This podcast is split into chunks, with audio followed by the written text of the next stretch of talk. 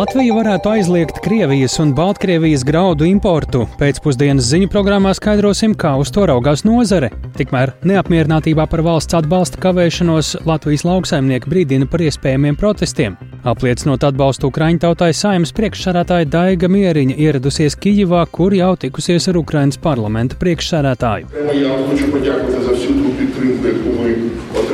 Es gribu jums pateikties par visu to atbalstu, ko esam saņēmuši no Latvijas saimas un visas Latvijas tautas kopš pilna apmēra iebrukuma. Mēs jau esam runājuši par to, ka Latvija bija un ir viens no līderiem Ukraiņas atbalstā. Pamatīgas domstarpības Siguldas novada domē. Vairums deputātu pieprasa domas vadītājas atcelšanu. Par to visu plašāk raidījumā pēcpusdienā kopā ar mani Tāli Eipuru.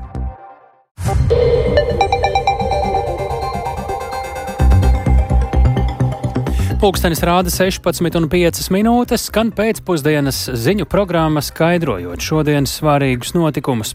Studijā Tālis Eipurs. Labdien! Latvija varētu aizliegt Krievijas un Baltkrievijas graudu importu un tā veicināt līdzīgus lēmumus arī citās reģiona valstīs. Tā uzskata Saimas opozīcijā esošā Nacionāla apvienība, kuras sagatavoto likumprojektu gatavi vērtēt arī valdošās koalīcijas pārstāvji. Vienlaikus nav plānots ietekmēt graudu tranzītu caur Latvijai uz valstīm ārpus Eiropas Savienības, kā iespējas Latvijai ierobežot Krievijas graudu importu vērtē nozarē par to vairāk Jāņa Kīņša ierakstā. Krievijā audzētie graudi nav iekļauti Eiropas Savienības sankciju sarakstos, jo tos tranzītā nogādā arī Āfrikā, kur trūkst pārtikas.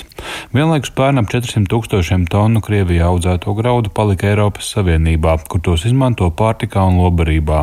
Arī šogad Latvijā pārvadājumu Krievijas izcelsmes graudu un citu lauksaimniecības produktu prognozētais pārvadāšanas apjoms ir ap 4 miljoniem tonu. Saimnes opozīcijā esošā Nacionālā apvienība rosina ar grozījumiem lauksaimniecības un lauku attīstības attīstības likumā vērsties tieši pret Krievijas un Baltkrievijas izcelsmes graudu apriti pašā Eiropas Savienībā, tajā skaitā Latvijā. Šādu rosinājumu kā apspriežam atzīst arī valdošajā koalīcijā. To pirmdien pēc koalīcijas sadarbības sanāksmes norādīja premjera Evika Siliņa no jaunās vienotības. Par likumprojektu galveno ideju stāsta viens no tā iesniedzējiem - deputāts Jānis Grasbergs no Nacionālās apvienības. Šis likuma projekts paredz tieši importa aizliegumu, jo tas, ko es dzirdu no graudu kooperatīviem, kas vēsturiski jau izsēna sev eksportē graudus, nu arī Latvijas, ka tur, kur viņiem bija šis noiet tirgus, teiksim, šie te sadarbības partneri atbild, ka viņi jau ir jau nopirkuši. Un, līdz ar to sanāk, ka mēs no vienas puses atbalstam Ukrainu, no otras puses mēs, kā Eiropas Savienība, dodam naudu nu, Krievijai, pērkot šos graudus. Krievijas salīdzinoši lētāko un pēc zemākām vidas prasībām audzēto graudu imports Eiropas Savienībā tieši ietekmē arī Latvijas graudu audzētājus. To diskusijā Latvijas radio raidījumā Krustpunktā raksturoja zemnieku saimas valdes priekšsādātāja vietniece Maira Dzelskalēja Burmistre. Latvijas lauksaimnieki par to noteikti nav priecīgi, jo mēs tomēr esam graudu audzētāju valsts, un mēs, esam, mēs eksportējam savus graudus. Un, protams, ka šis imports ietekmē nedaudz cenu jo nu, Krievijā pirmkārt ir lētāka ražošana, ir daudz lētāka degviela un minerālu mēsli un arī zaļā kursa nosacījumi nav Krievijas ražojumiem, un līdz ar to viņi var pārdot lētāk šo produkciju, un tas dzēn uz leju iepirkuma cenu. Valdību veidojošie politiskie spēki atzīst, ka ir jāierobežo Krievijas graudu imports, taču tam jābūt kopīgam Eiropas Savienības lēmumam. Ja Latvija šādu aizliegumu ieviestu individuāli, tas būtu formāls solis, jo Krievijas graudus ievestu caur citām Eiropas Savienības valstīm. To uzsver arī Zemkopības ministrijas tirgus kopējās organizācijas nodaļas vadītāja Dace Freimane. Tas būs aizliegums vienā valstī. Ko tas atrisinās? Nu, aizvedīs uz citu valsti, aizvedīs uz citu Eiropas Savienības valsti. Nu, tas jau neko nerisinās. Gan konkurences, gan arī ētikas jautājums. Tā par aicinājumu neiepirkt graudus no agresoru valsts jau vairāk kārt izteicies zemkopības ministrs Armāns Krauze no Zaļo un Zemnieku savienības. Šo pozīciju viņš Latvijas vārdā arī formulējis citu Eiropas Savienības valstu ministriem. Apspriedes ir tikai sākušās, stāsta Freimane. Lietuva un Igaunija viņas ir tā daudz ar pozitīvāku Somija arī šobrīd ļoti vērtē datus. Viņi nav teikuši ne jā, ne nē. Tas ir jauns jautājums. To ir Latvija inicējusi. Process nu, nebūs ātrs, bet uh, nepieciešams, manuprāt, tāda kopēja nostāja, lai tam būtu kāda ietekme. Saimas deputātu rosinātos likuma grozījumus skatīšanai Saimas tautsēmniecības komisijā plānots nodot jau šonadēļ. Jānis Kincis, Latvijas Radio. Karš Ukrainā lauksaimniekus ietekmē arī no citas puses. Apvienotā putnkopības nozare aicina valdību nekavējoties novērst tirgus kropļošanu un negodīgu konkurenci. Nozares pārstāvji arī atkārtoti aicina Eiropas institūcijas izdarīt visu, lai novērstu tirgus traucējumus, ko rada tirzniecības liberalizēšana ar Ukrainu. Par iespējamiem protestiem brīdinājuši arī citi Latvijas lauksaimnieki neapmierinātībā par valsts atbalsta kavēšanos. To apstiprina gan biedrībā Zemnieku saima, gan lauksaimnieku organizāciju sadarbī, lauksaimniecības organizāciju sadarbības padomē. Vai neieklausoties lauksaimnieku organizāciju bažās, varam sagaidīt līdzīgus protestus kā šobrīd Vācijā vai Polijā? To vaicāsim lauksaimniecības organizācijas sadarbības padomas valdes priekšsēdētājiem Guntim Gūtmanim. Labdien! Labdien! Sāksim ar putnkopību. Cik plašas ir šīs nozares uzskaitītās problēmas un vai līdzīgi klājas arī citos lauksaimniecības sektoros, kā jūs īsumā teiktu? Nu, īsumā ir, ir jāsaka tā, ka ar Ukrajinu tas ir īpašs stāsts. Mēs, protams, lauksaimnieki nevienam nereklamējot, palīdzam Ukraiņiem ar produkciju un ar atbalstu dažādos veidos, uh, ikdienā jau uh, divu gadu garumā. Uh, Bet jāsaka, ka tas brīdis pienāk tāds, kad mūsu lauksaimnieki saka, ok, mēs varam palīdzēt, bet mēs gribam nu, vismaz līdzīgus noteikumus vai arī kaut kādu atbalstu no Eiropas kopējā budžeta. Tajā, ka mēs konkurence zaudējam un mums rodas zaudējumi pret tā, ka nu, no citas valsts ievesta produkcija ir krietni lētāka, audzēta pēc savādākām metodēm. Pēc citiem nosacījumiem. Un, un tas ir tas jautājums, ko nu, vajadzētu kopīgi Eiropā risināt un skatīties, lai tā nu, tirgus tie apstākļi tomēr vienā, vienā tirgu būtu līdzīgi. Jā, un par putnu kopību runājot, tas ir tieši ar to arī saistīts. Jā, jā, tas ir tieši ar to saistīts. Un īstenībā to jau šodien jau ziņās arī mēs dzirdējām, ka uh, Polijas valdība ir runājusi arī ar mūsu komisāru Dombrovski par šiem apstākļiem. Tas ir nu, gan Baltijā, gan Polijā nu, tie, mm. tie apstākļi ir līdzīgi. Nu jā, lauksaimnieki un arī jūs nu pat paudāt, ka atbalstāt un atbalstīst Ukrainu. Kas tad būtu tie reālie soļi, konkrētie jau, kas būtu jāpamaina attiecībā uz Eiropas un Ukrainas attiecībām? Jūs teicāt, ka kopumā vajadzētu izlīdzināt, bet kas tad būtu tās izmaiņas? Nu, tā vajadzētu būt tomēr nu, kaut kādai Eiropas kopējai politikai. Un, un viens no šiem jautājumiem, kas ir bijis pēdējās dienās pēdējo mēnešu laikā, varbūt aktuālāk pacelts, ir saistībā ar pārtiks importu no Krievijas. Uh, mēs, uh, mēs saprotam, uh, ka arī sabiedrība, un katru dienu es saņemu vairākus zvanus no lauksaimniekiem, saka, aizliedzam Krievijas graudu importu Latvijā, aizliedzam vest, uh, varam to tirgu ciet, mēs to negribam. Uh, Un lauksaimnieki, jāsaka, godīgi ir nikni par šo jautājumu, bet mēs saprotam, ka šādu jautājumu mēs vieni paši atrisināt nevaram. Tam ir jābūt kopējam Eiropas lēmumam, šādu aizliegumu, jo tā ir pilnīgi taisnība. Tie mūsu graudaudzētāji, piemēram, saka, ka viņiem Eiropas partneri nepērk graudus, tāpēc ka viņi ir atraduši citur nopirkt lētākus. Mēs ļoti labi saprotam, no kurienes viņi nopērk lētākus. Un, un, un tas būtu tāds no Eiropas kopējais lēmums, kas būtu jāpieņem īstenībā steidzīgi ļoti. Mm. Šobrīd, kurš varētu būt tas brīdis, kad varētu izlemt, eh, ka arī Latvijas zemnieku traktori parādās vienā vai otrā protesta akcijā, jo nu, te arī ir tas jautājums, ko mēs piesaucām arī par šo valsts atbalstu, kurš kavējas šobrīd. Kā jūs teiktu? Mēs vakar valdes sēdē savā organizācijā pārunājām arī šos jautājumus. Un, teiksim, tā, ar maksājumu aizkavēšanos ir tā, ka lielākā daļa maksājumu ir izmaksāti, saņemti ir kaut kādas lietas, kas objektīvi ir aizkavējušās saistībā ar to, ka pagājušā gadā ieviesa jaunu sistēmu ar ekoshēmām. Uh, okay, mēs saprotam, pirmais gads tur ir aizkavēšanās, un varbūt tas nav tas, tā, tas sliktākais. Tas, kas šajā gadā mums ir būtisks, ko mēs sakosim līdzi, valdība ir apsolījusi pirmajā pusgadā nolemt, kāda būs 25. gada jaunā nodokļu politika, kādas tur būs izmaiņas. Mūs interesē jautājums, tas, kas šobrīd notiek Vācijā, kur Vācijas valdība saka, ka viņi grib mazināt uh, atbalstu lauksaimniekiem ar akcijas nodokli. Šie visi jautājumi droši vien parādīsies dienas kārtībā, diskusijās arī, arī šī brīža mūsu valdībā. Ja kādā no šiem jautājumiem lauksaimniekus nedzirdēs, neuzklausīs un neņems vērā, es jums droši varu teikt, nākamajā dienā lauksaimnieki būs ielās ar visām tehnikām. Un, un tas ir tas, kas pie iepriekšējā milzīgi grūtā gada katrs sīkums, kas tiek noņemts lauksaimniekam, apdraud viņa pastāvēšanu. Un tas ir tas, ko mēs nedrīkstam pieļaut, un lauksaimnieki būs gatavi braukt ielās uzreiz. Ļoti nopietnas brīdinājums. Sakām paldies lauksaimniecības organizācijas sadarbības padomes valdes priekšsādātājiem Guntim Gūtmanim. Tikmēr jāturpina ar citātu. Mūsu atbalsts Ukrāņa tautai nebeigsies nekad. Tā Latvijas saimas priekšsādātāja Daiga Mieriņa šodien Kijivā pauda pēc tikšanās ar Ukrainas parlamenta priekšsādātāju Ruslanu Stefančuku.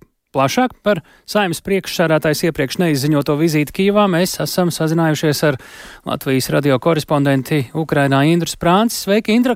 Ko saimnes priekšsādātāji ir pārunājusi ar Ukrainas kolēģi? Labdien! Jā, šodien uh, Kīvā ieradusies saimnes priekšsēdētāja Daiga Mieriņa un Latvijas Ukrainas parlamentārās sadarbības grupas deputāti. Un dienas vidū saimnes priekšsēdētāja bija tikšanās ar Ukrainas augstākās redzes priekšsēdētāju Ruslānu Stefančuku. Un kāpēc tikšanās atzina Stefančuks? Ukraina ir ļoti pateicīga Latvijai par tās atbalstu. Paklausīsimies maz, maz fragmentiņu no Stefančuka sacītā īsi pēc tikšanās. Прямо я хочу подякувати за всю ту Es gribu jums pateikties par visu to atbalstu, ko esam saņēmuši no Latvijas saimas un visas Latvijas tautas kopš pilna apmēra iebrukuma. Mēs jau esam runājuši par to, ka Latvija bija un ir viens no līderiem Ukrainas atbalstā. Savukārt saimnes priekšsādātāja pauda, ka viņa kopā ar Latvijas saimnes deputātiem ieradusies Kīvā, lai paustu uh, nu, atkārtot atgādināja, lai pauž šo nelokāmo atbalstu Ukrainai tās grūtajā cīņā ar agresoru, kā arī atbalstu Ukrainas ceļā uz iestāju Eiropas Savienībā un NATO. Latvijas delegācijas pārstāvji arī dalījušies ar mūsu valsts pieredzi Krievijas īpašumu konfiskācijā. Tas ir stāsts par Maskavas namu un uh, pauda gatavību šo pieredzi nodot arī citām valstīm, lai arī tās uh, līdzīgi rīkotos attiecībā uz to teritorijā esošiem Krievijas aktīviem un šādā veidā palīdzētu Ukrainai. Bet parunāt arī citi veidi, kā Latvija vēl papildus jau šobrīd esošajiem aptuveni 600 miljonu eiro lielajiem atbalstam Ukrainai vēl vairāk vēl varētu palīdzēt Ukrainai. Paklausīsimies fragmentu no Mīriņas šodien sacītā īsti pēc tikšanās ar Stefančaku. Tāpat mēs apliecinājām, ka esam gatavi runāt arī Eiropas līmenī par atbalstu Ukraiņai tieši militāro vajadzību nodrošināšanai, kas patiesībā ir pats pats svarīgākais, lai viņi šajā cīņā nebūtu vieni un lai viņiem pietiktu viss tas, kas ir nepieciešams. Tostarp militārā tehnika, tostarp jaunākās tehnoloģijas, tostarp arī dažādi, dažādas jaunākās tehnoloģijas Vēl piebildīšu, ka Latvija varētu atbalstīt Ukrainu arī ar institūciju darbinieku apmācībām, tādējādi palīdzot ceļā uz iestāju Eiropas Savienībā visam tam mm, sarežģītajam procesam, kas, viņ, kas viņus sagaida šobrīd. Un kā pauda mieriņa, Latvija turpinās atbalstīt Ukrainu līdz uzvarai, un mēs nedrīkstam nogurt no šī kara, jo Ukraina šobrīd cīnās par mums visiem. Tāli. Jā, Indrā, saimnes priekšsarētājai vēl kādas tikšanās, ja reiz tik tālu braukts? Jā, no rīta puses iebraucot Kīvā mieriņu jau, jau dzelzceļa stacijā sagaidīja Ukrainas parlamenta priekšsādātāja vietniece Olēna Kondretjuka. Ar Kondretjuku viņa jau ir pazīstama tā kā decembrī viņa bija vizītē Latvijā, um, bet par pārējām tikšanām drošības apsvērumu pēc šobrīd šo informāciju vēl nevaru atklāt. Ir jāsaprot, ka Kīva strādā kara režīmā un te ir ļoti stingras drošības prasības un līdz ar to varbūt atšķirās krietni no tā, kā tas ir piemēram Latvijā vai citās valstīs, kad un ko var atklāt. Tā ka būs jaunumi un, un to, to dzirdēsiet droši vien mazliet uh, vēlāk uz vakarpusi. Vienīgais, ko var pateikt, ka Latvijas delegācija šeit Kīvā mm, ļoti sirsnīgi tika uzņemta. Gaidīsim jaunumus citos uh, ziņu izlaidumos par uh, to, kas tad vēl ir bijis saimnes priekšsarētais dienas kārtībā, bet, ja reiz tu saki, runā par šiem drošības apstākļiem un apsvērumiem, kādi tie tieši šodien ir bijuši Kijavā. Tur izskanēja gaisa trauksmes vizītes laikā, vai nebija līdzīgi kā Japānas ārlietu ministrijai mēs redzējām jāiet uz pagrabu sniegt preses konferenci vai līdzīgi. Jā, preses konferences pagrabos tā ir ļoti ierasta praksa šeit Kīvā, un patiešām arī dienas pirmajā pusē līdz pusdienas laikam bija vairāk nekā stundu ilga gaisa trauksme, kad uh, bija zināms, ka ir bumbvedējs pacēlies gaisā un nebija skaidrs, vai viņš kaut ko ved un, un kaut ko raidīs atkal uz Ukrainu. Bet uh, reāli uzbrukumu Kīvai nebija, tāpēc var teikt, ka um, šī vizīte notiek uh, salīdzinoši mierīgos apstākļos un cerēsim, ka tas tā arī būs. Sakām paldies mūsu korespondentei Ukrainā Indrai Sprancei tiešraidē no Kijivas ziņojot par Latvijas saimnes priekšsarētājas vizīti šobrīd Ukrainā. Bet situācija Ukrainā un Ķīnā šodien ir Pasaules ekonomikas fóruma Davosā dalībnieku galvenajā uzmanības lokā. ASV valsts sekretārs Antonijs Blinkens jau ir apsolījis Ukrainas prezidentam Volodimiram Zelenskim, ka Vašingtona arī turpmāk palīdzēs Kijivai par spīti iekšējām politiskajām domstarpībām. Savukārt Eiropas komisijas vadītāja Urzula Fonderleina paudusi pārliecību, ka Ukraina var uzvarēt karā, ja rietumi to turpinās atbalstīt. Vairāk par šīs dienas diskusijām Davosā mums ir gatavs stāstīt mūsu Briseles korespondents Arķems Konohaus. Arķem, kādēļ uzmanība šoreiz tiek pievērsta tieši Ukrainas un arī Ķīnas vadības dalībai Davos formā? Šī uzmanība tiek pievērsta lielākoties tādēļ, ka tas ir būtisks notikums jau pats par sevi, ka viņi abi ir ieradušies klātienē. Ukrainas prezidentam Zelenskim tā ir pirmā reize kopš sācies karš, savukārt Ķīna tik augstā līmenī nav pārstāvēta kopš 17. gada. Un, tieši tāpēc viņu atrašanās vienā telpā un vienā vietā jau pat par sevi ir diezgan, diezgan zīmīga. Ukrainas prezidents savu uzrunu pabeidza burtiski pirms kādas pusstundas, un tas jaunākais, ko var pateikt, sekojot šai uz, uzrunai, ir tas, ka viņš ir runājis gan par sankciju efektivitāti, ko rietumi ir noteikuši Krievijai, sacīja, ka rietumvalstis nevar būt apmierinātas ar sankcijām, jo viņš saka, ka visiem tiem raķetēm un lādiņiem, kas krīt uz Ukrainas zemes, viņiem ļoti daudzi komponenti joprojām ir ražoti tajās valstīs, kas ir sankcijas noteikušas. Līdz ar to tas parāda, ka sankcijas nav pietiekami efektīvas, ka ar trešajām valstīm tomēr šīs komponentes nonāk Krievijā un pēc tam tiek izmantotas jau šo ieroču ražošanā, un tāpēc būtu jāstiprina sankciju darbība. Un tāpat Zelenskim ir bijusi tikšanās ar dažādu uzņēmumu pārstāvjiem, ļoti augstu līmeņa, arī amerikāņu lielo banku vadītājiem un daudz, daudziem dažādiem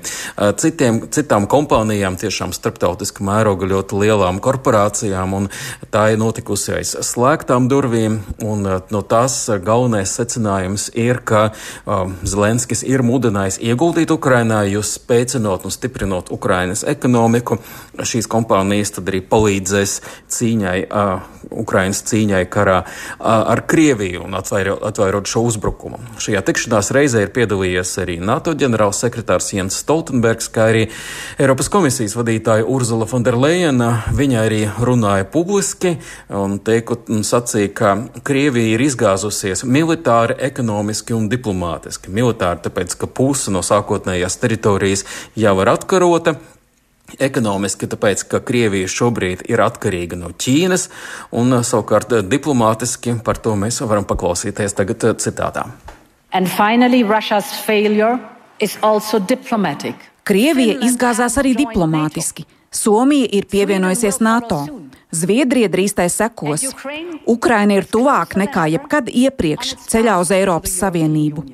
Tas viss parāda mums, ka Ukraina var uzvarēt šajā karā, bet mums ir jāturpina atbalstīt viņu pretošanos. Ukraiņiem ir nepieciešams paredzamas finansējums 2024. gadā un turpmāk. Viņiem ir nepieciešama stabila ieroču piegāde, lai aizstāvētos un atgūtu savu teritoriju. Viņiem ir nepieciešams spējas, lai atturētu nākotnes Krievijas uzbrukumus.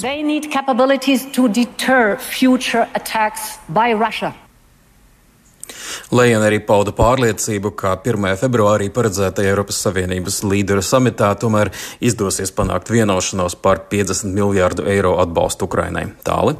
Jā, Arčom, nu tad kādi bija galvenie uzsvari Ķīnas premjeru uzrunā?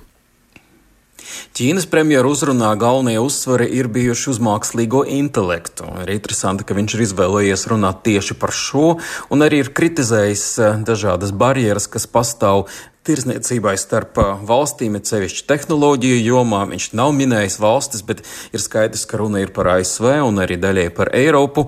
Un uh, ir sacījis, jā, ka visām valstīm vajadzētu tomēr strādāt godīgi kopējā mērķa un kopējā labuma vārdā.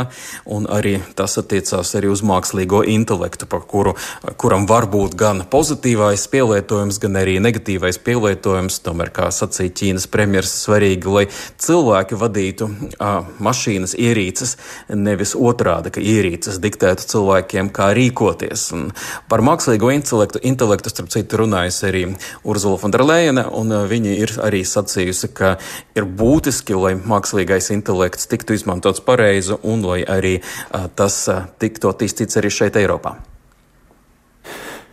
Sakām paldies Arķumam Konohovam uh, no uh, mūsu korespondentam Briselē, ziņojot par šobrīd notiekošo Davos fórumu, kur pulcējušies taiskaitā arī Ukrainas un Ķīnas līderi.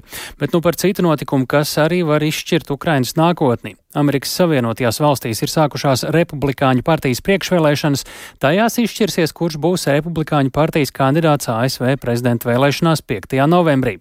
Pirmās priekšvēlēšanas Ajovas štatā ir noslēgušās ar bijušā ASV prezidenta Donalda Trumpa uzvaru. Trumps iegūstot 51% balsu ir apsteidzis savus tuvākos konkurentus - Floridas gubernatoru Ronu DeSantisu un bijušo ASV vēstnieci Ano Nikiju Hēliju. Viņiem Ajovā bija saspringta cīņa par otro vietu. Desantis atbalstīja 21,2, bet Hēliju 19,1% balsotāju. Pēc priekšvēlēšana noslēgumā jau trešās vietas ieguvēja Hēliju mudināja ASV vēlētājus atbalstīt jaunu konservatīvo līderu paudzi. I can safely say tonight Šodien droši varētu apgalvot, ka Aiova ir padarījusi republikāņu priekšvēlēšanas par divu cilvēku sacīkstēm. Šodien es atgriežos lieliskajā Ņūhempšīras štatā, un jautājums, uz ko amerikāņiem būs jādod atbilde, tagad ir pilnīgi skaidrs. Vai vēlaties visu pa vecam, vai arī jūs vēlaties jaunu konservatīvo līderu paudzi? Trumpam un Baidenam ir aptuveni 80 gadi. Trumps un Baidens ir iedzinuši mūsu valsti vairāku triljonu dolāru parādu jūgā, un mūsu bērni viņiem to nekad nepiedos. Trumpam un Baidenam nav vīzijas par mūsu valsts nākotni, jo viņi dzīvo pagātnē.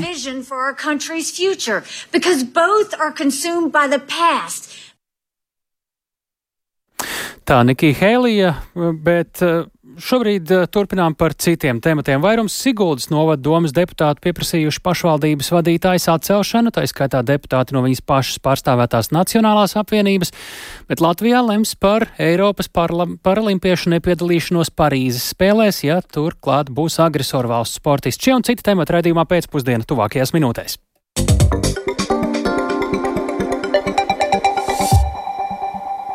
Labi, ka radio ēterā lielākoties skanēja džeks, nevis gobju ezers.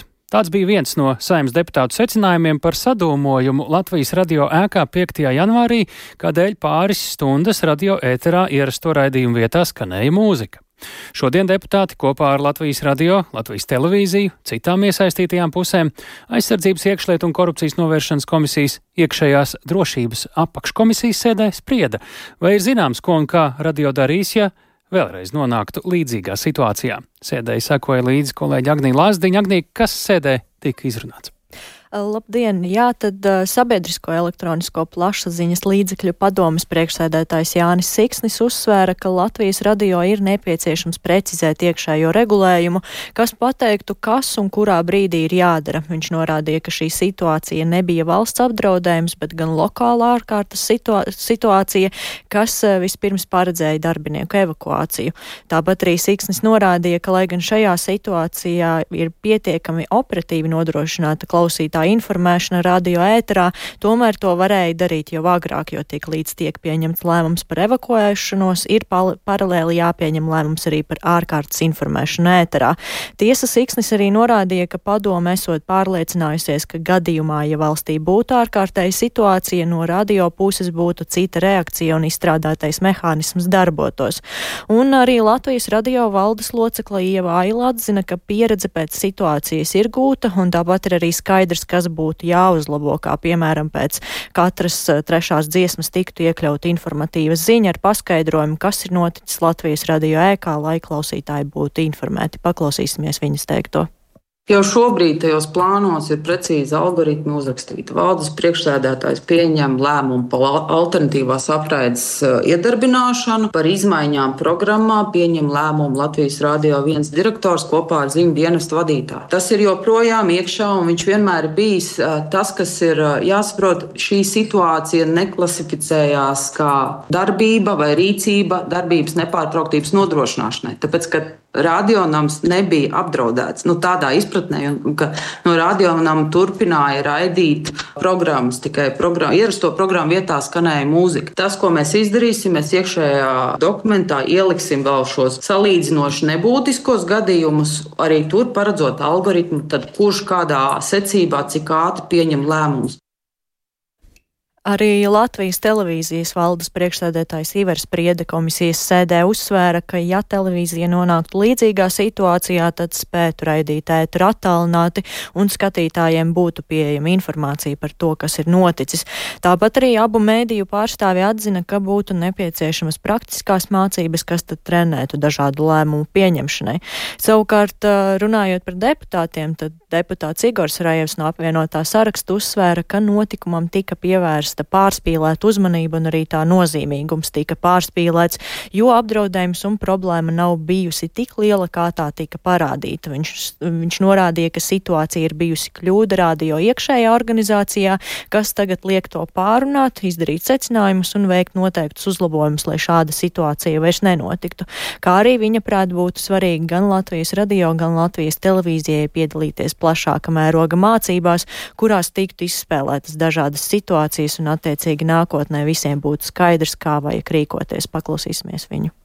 Tāpēc ir ļoti labi, ka tāds notikums ir noticis tagad. Patiesībā es nejokoju, labi, ka viņš ir noticis tagad, nevis kaut kādā sarežģītākā situācijā. Mums ir iespējas pieņemt pareizos lēmumus un korrigēt to savu darbības algoritmus, kurus tad jūs darīsiet tad, kad tas patiešām būs vajadzīgs. Tāpēc šeit es domāju, ka visus ir jānomierina, ka jā, situācija notika tāda, kā notika. Mēs iztaisījām pareizos secinājumus. Un mēs mainījām un uzlabojām šīs lietas. To es saku paldies, ka jums ir izvēlēta mūzika džeks, nevis Čaikovska gulbja ezers, jo mana vecuma cilvēkiem tas radītu nepareizās asociācijas par to, kas notiek uh, valstī. Jā, nu, jāpiebilst vēl tas, ka Latvijas rādio janvāra sākumā bija izveidojies šis sadūmojums, kad notika plānotie remontdarbi, proti demontējot sienas apdari, radusies kāda dzirkstele un sācis gruzdēt starp sienas pakojums. Paldies Agnijai Lāsdiņai. Mēs turpinām par to, ka, lai arī reāli neviens Krievijas pilsonis, kam likums šobrīd liek pamest Latviju, vēl nav izraidīts, pilsonības un migrācijas lietu pārvalde pat labi un atkārtoti apzina gandrīz tūkstoti Krievijas pilsoņu, kuri nepilda imigrācijas likuma prasības un kam būtu jādodas prom. Latvijas radio Daugopilī uzrunāja dažus cilvēkus, kuriem tas, uz kuriem tas attiecas, un tur dzīvojošie Krievijas pilsoņi saka, ka nevēlas pamest Latviju valsts valodas pārbaudas nenokārtošanas dēļ. Vairāk Silvijas Smagars ierakstā. Viņam beidzas uzturēšanās atļauja novembrī.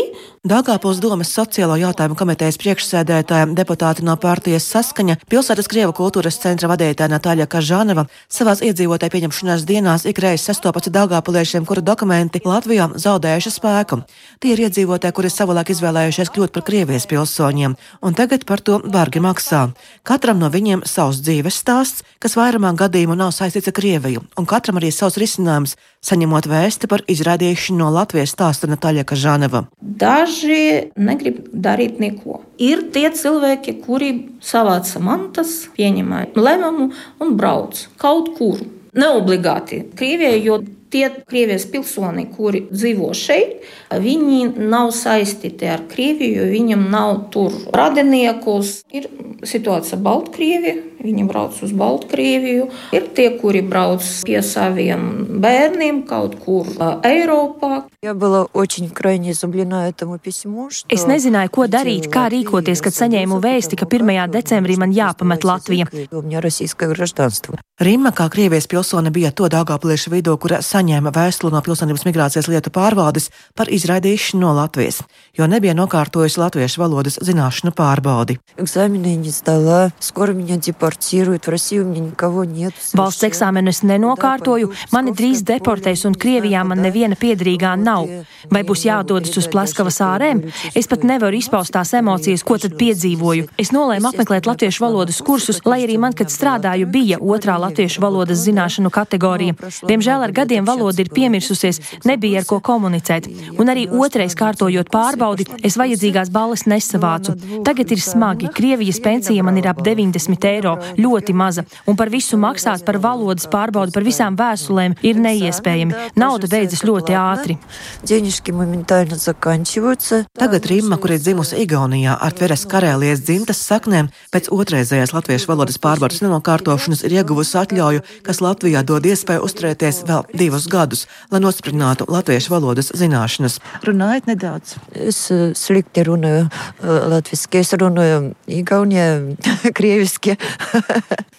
Karēļite, Somē. Somu grupu valoda jums jā. ir pazīstams. Rīma, kur ir pārsniegusi 70 gadus lieksni, pēc profesijas ir māksliniece, kura ieprecējās Latvijā.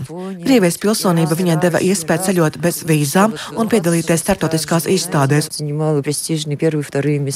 Tagad viņa, zaudējot iztikas avotu, nonākusi Dāngāpils biedrības rūpas paspārnē, kas ik nedēļu viņai tāpat kā citiem izvedā pārtikas un medikamentu paciņas. Līdz šim neviens Krievijas pilsonis no Latvijas vēl nav izraidīts, bet satvers Satversmes tiesa šomēnes sāka skatīt lietu par normu, ar kuru Krievijas pilsoņiem jaunas uzturēšanas atļaujas iegūšanai jāapliecina latviešu valodas zināšanas. Lēmums būs zināms februārī. Silvija Smagra, Latvijas radio studijā Latgalē.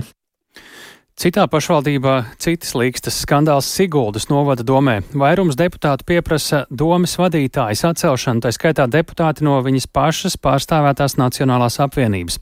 Viņi uzskata, ka domas priekšsarātāja Līga Sausiņa personīgās ambīcijas liek augstāk par pienākumiem un nespēja kvalitatīvi veidot arī pašvaldības budžetu.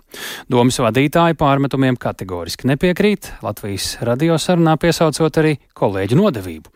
Plašāk par to gatavs stāstīt kolēģis Viktors Demidovs. Sveiks, Viktor, kas notiek Siguldas domē, vai tas ir nu, arī vadošās frakcijas dumpis? Jā, sveicināti. Siguldas novada domē 14 no 19 deputātiem ir parakstījušies par domas vadītājas Līgas Sausņas no Nacionālās apvienības atcelšanu no amata, un viņas atkāpšanos ir pieprasījuši arī septiņi domas kodola deputāti, kuri ievēlēti no saraksta Nacionāla apvienība, Latvijas reģiona apvienība, Latvijas zaļā partija, tātad viņas tuvākie kolēģi.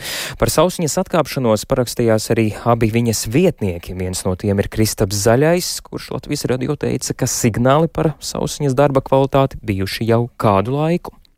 Ceļu stāvoklis, apgaismojums, svētku sajūta, uzruna, budžeta situācija, kopējā pašvaldības nostāja. Nu, ļoti daudz un dažādi aspekti no iedzīvotājiem, kur, protams, katram ir savs viedoklis, var likties, bet, nu, kad tev to sāk jau teikt pirmais, otrais, trešais, un no dažādiem kanāliem, tas sāk, protams, satraukt. Pamatā tas skar gan kopējo atmosfēru un labklājību darba vietā, gan kopējo vadības stilu, kas ir izteikti autoritīvs, gan arī personīgo ambīciju likšanu augstāk par pašvaldības un sabiedrības interesēm. Tālūk, Kristaps Zaļais, Līgas Sausiņas vietnieks, viens no diviem, un pati Sausiņa par novada vadītāju kļuva 22. gada rudenī, līdz tam viņa deviņus gadus strādāja par vadītāja vietnieci, un viņa kolēģu pārmetumiem kategoriski nepiekrīt, sakot, ka darbs pašvaldībā notiek uz priekšu. Šeit nesaskatu pārmetumiem pamatu. Un, nu, jā, bet, diemžēl, saskatu to kā politisku lēmumu ar nodevības iezīmēm. Nu, ņemot vēl vairāk to, ka, nu, ja jau runas vīrs ir Kristaps, tad acīm redzot, viņš arī ir pie visa šī organizēšanas. Tā ir šobrīd ārkārtīgi liela bezatbildība. Jo tajā laikā, kad notiek budžeta izstrāde, un arī no otras puses, manuprāt, tas ir zemiski, Tālūk Siguldas novada vadītāja Līga Sausiņa. Mēs dzirdējām vienu viņas kolēģi sacīto, kā, ko saka citi, piekrīt, nepiekrīt eh, pārmetumiem. Jā, es šodien arī paviesojos Sigūdas novada domē, aprunājos ar izpildirektori, kura notiekoši, par notiekošo ir ļoti pārsteigta. Viņa vispār kategoriski nepiekrīt. Mm, līdzīgi kā pati Sausiņa, ka iedzīvotāji ar domas darbu ir neapmierināti, visi darbi ritot uz priekšu viņas prāt, un viņai arī piekrīt novada auditori. Un neizpratnē ir arī Rudolfs Kalvāns no Nacionālās apvienības, kurš ir viens no pieciem deputātiem, kas neparakstījās pilnīgs šoks. Un, uh, atšķirībā no jūsu minētā kolēģa citāta, man nekādi signāli manā izpratnē nav bijuši šajā virzienā. Es uzskatu, ka tādu atšķirību mūsu kopējā darbā starp mums nebija. Tik grandiozu, tik agonisku, lai kaut kādu šādu lēmumu virzītu. Tālūk, Rudolfs Kal, uh, Kalvāns no Nacionālās apvienības, uh, un uh, tad es aptaujāju arī cilvēkus, ko viņi domā par notiekošo, un tad lūk, viedoklis. Nē, nav pārsteigums. Kāpēc? Es sauc viņu zinu vienkārši. Viņa vienpersoniski visu pieņem, visas lēmumus. Es tā domāju, varbūt es kļūdos. Vairāk nav ko teikt. Nu, viņa ir Mitrēvis turpinājums, un Mitrēvis nekas labs nebija. Nu, mēs mēs iedziļinājies tajā. Es zinu, ka kaut kādas būvvaldē ir kaut kādas problēmas, kaut kādas, kaut kādas nelietas tur ir vēl kaut kādas, bet tā, tā es neko nezinu. Tas, kas attiecas uz mūsu ģimeni un tiem pakalpojumiem, ko mums liek saņemt, mums ir viss kārtībā. Pilsēta ir sakārtota, ielas sakopas, gaisma deg. Mm, protams, ielas gribētos labākas, īpaši ņemot vērā, ka braucam mašīnu un gaismas deg. Nu, nezinu, pa lielam viss notiek. Nu, tas pārsteidzoši vienkārši. Tāpēc, mēs bijām domās, ka viņa ir laba skolotāja. Nu, bet, laikam, visi skolotāji nevar būt arī par pašvaldības vadītāju iespējams. Apmierināts. Nē, nu, ceļi varēja vispār būt labāki. Ir tādi pabedraini, bet nu, kā jau nekāda mīnus nav manīts.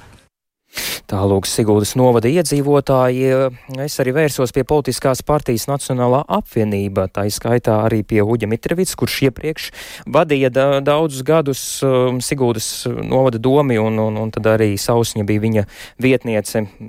Tā tad uh, politiskā partija Nacionālā apvienība notiekošo nekomentēja, sakot, ka viņiem ir tā pati informācija, kas mums medijiem, un par Sausņas likteni tad lems 25. janvāra domas sēdē. Paldies Viktoram Demidovam tik tālu par situāciju Siguldas novadā, bet Eiropas Paralimpiskās komitejas ārkārtas ģenerāla asambleja notiks 8. martā Rīgā, un to Latvijas radio šodien jau oficiāli apstiprināja Latvijas Paralimpiskajā komitejā. Ģenerālajā asamblejā ir plānots formulēt vienotu ziņojumu starptautiskajai Paralimpiskajai komitejai, visticamāk izvirzot ultimātu Ja agresoru valstu, Krievijas un Baltkrievijas sportistiem neaizliedz startēt Parīzes spēlēs, tad Eiropas valstis sacensībās nepiedalās. Vairāk par gaidāmo ģenerālo asamblēju martā jau to daļu ir izstāstīt gatavs kolēģis Mārtiņš Kļavnieks. Mārtiņa atgādina lūdzu, kā Latvija nonāca pie iespējas rīkot šo ģenerālo asamblēju un kāda tad ir Latvijas Paralimpiskās komitejas un šīs sanāksmes mērķi. Jā, sveiks tālu un sveicināti klausītāji. Nu, vispirms jāsāk ar to, ka Startautiskās paralimpiskās komitejas balsojums tātad um, septembra beigās bija tāds, ka atļauj Krieviem un Baltkrieviem startēt. Um, vairākums tā nobalsoja. Decembrī savukārt identisku lēmumu pieņēma Startautiskā olimpiskā komiteja, bet latvieši uzreiz jau sāka nenugluži protestēt, bet meklēt ceļus, kā varbūt šo lēmumu atsaukt. Nu, un, Mm, vērsās pie Eiropas Paralimpiskās komitejas, rīko ģenerālo asambleju Rīgā un mēģināja kaut kādu šādu dokumentu parakstīt. Un Eiropas eh, puse arī atsaucās un tiešām uzticēja šādas tiesības Latvijai. Nu, tā tad, eh, vai tas nozīmē, ka Rīgā pulcēsies faktiski visu Eiropas valstu paralimpisko komiteju vadība, lai par to lemtu, un ir piekrituši faktiski par to lemt? Eh, pagaidām nav līdz galam skaidrs, vai tiešām uh, visi, bet te jāatgādina, ka 46 paralimpiskās komitejas no Eiropas ir šajā apvienībā un vēl 8 organizācijas, kas savukārt tātad, nu, apvieno dažādas cilvēkus ar īpašām vajadzībām Eiropā.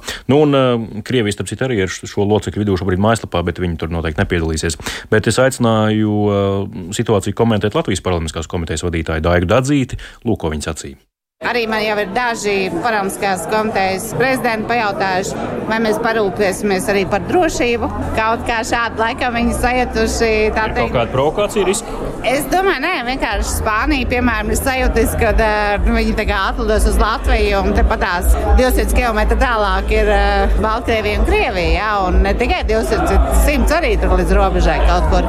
Tieši tāpēc es domāju, ka viņi tagad viši sāk saprast, kur viņi brauks. Un, un tagad paskatās kartē, ka tas ir blakus Krievijai un Baltkrievijai, tad viņiem uzreiz domas arī viss izmainās. Tālāk, Dārga Dārzīte, jā, nu tā tad ļoti svarīgi, ka arī šādā veidā tiek pasaulē pastāstīts, kas tad īsti notiek um, šajā reģionā. Nu, kā tad ir potenciālai scenāriji šajā asamblējai, cik reāli, ka iepriekš minētais Otmāns tiešām tiek pieņemts, uh, kas tad tālāk būtu? Daiga Dadzīte saka, ka pagaidām 12 valsts ir piekritušas parakstīt potenciāli šādu dokumentu. Nu, gan jau arī tajā visā kopumā atradīsies vēl kāda, atbalstot arī ASV, Lielbritāniju, Austrāliju. Tas ļoti svarīgi, jo tas ir lielvalstis gan politiski, gan arī tātad paralimpiski. Nu, un visticamāk, šāds dokuments varētu pat arī tikt apstiprināts, pieņemts un iesniegts Lielajai paralimpiskajai komitejai. Paldies Mārtiņam Kļaviniekam. Mēs tātad atgādinām, ka šobrīd jau oficiāli zināms, ka 8. martā Rīgā notiks Eiropas Paralimpiskās komitejas ārkārtas ģenerālā asamblē, kur viens no jautājumiem arī būs ultimāts par agresoru valstu un Krievijas, Baltkrievijas tātad sportistu aizliegumu viņiem piedalīties Parīzes spēlēs. Šī bija programma pēcpusdiena, to veidoja Tāls Eipurs, Lauris Zvejnieks, arī Kaspars Groskops, Ernests Valds Fjodorovs, un šo raidījumu klausieties arī Latvijas radio mobilajā lietotnē. Mēs tiekamies Atkal rīt, kā katru darba dienu pēc ziņām, 16.5.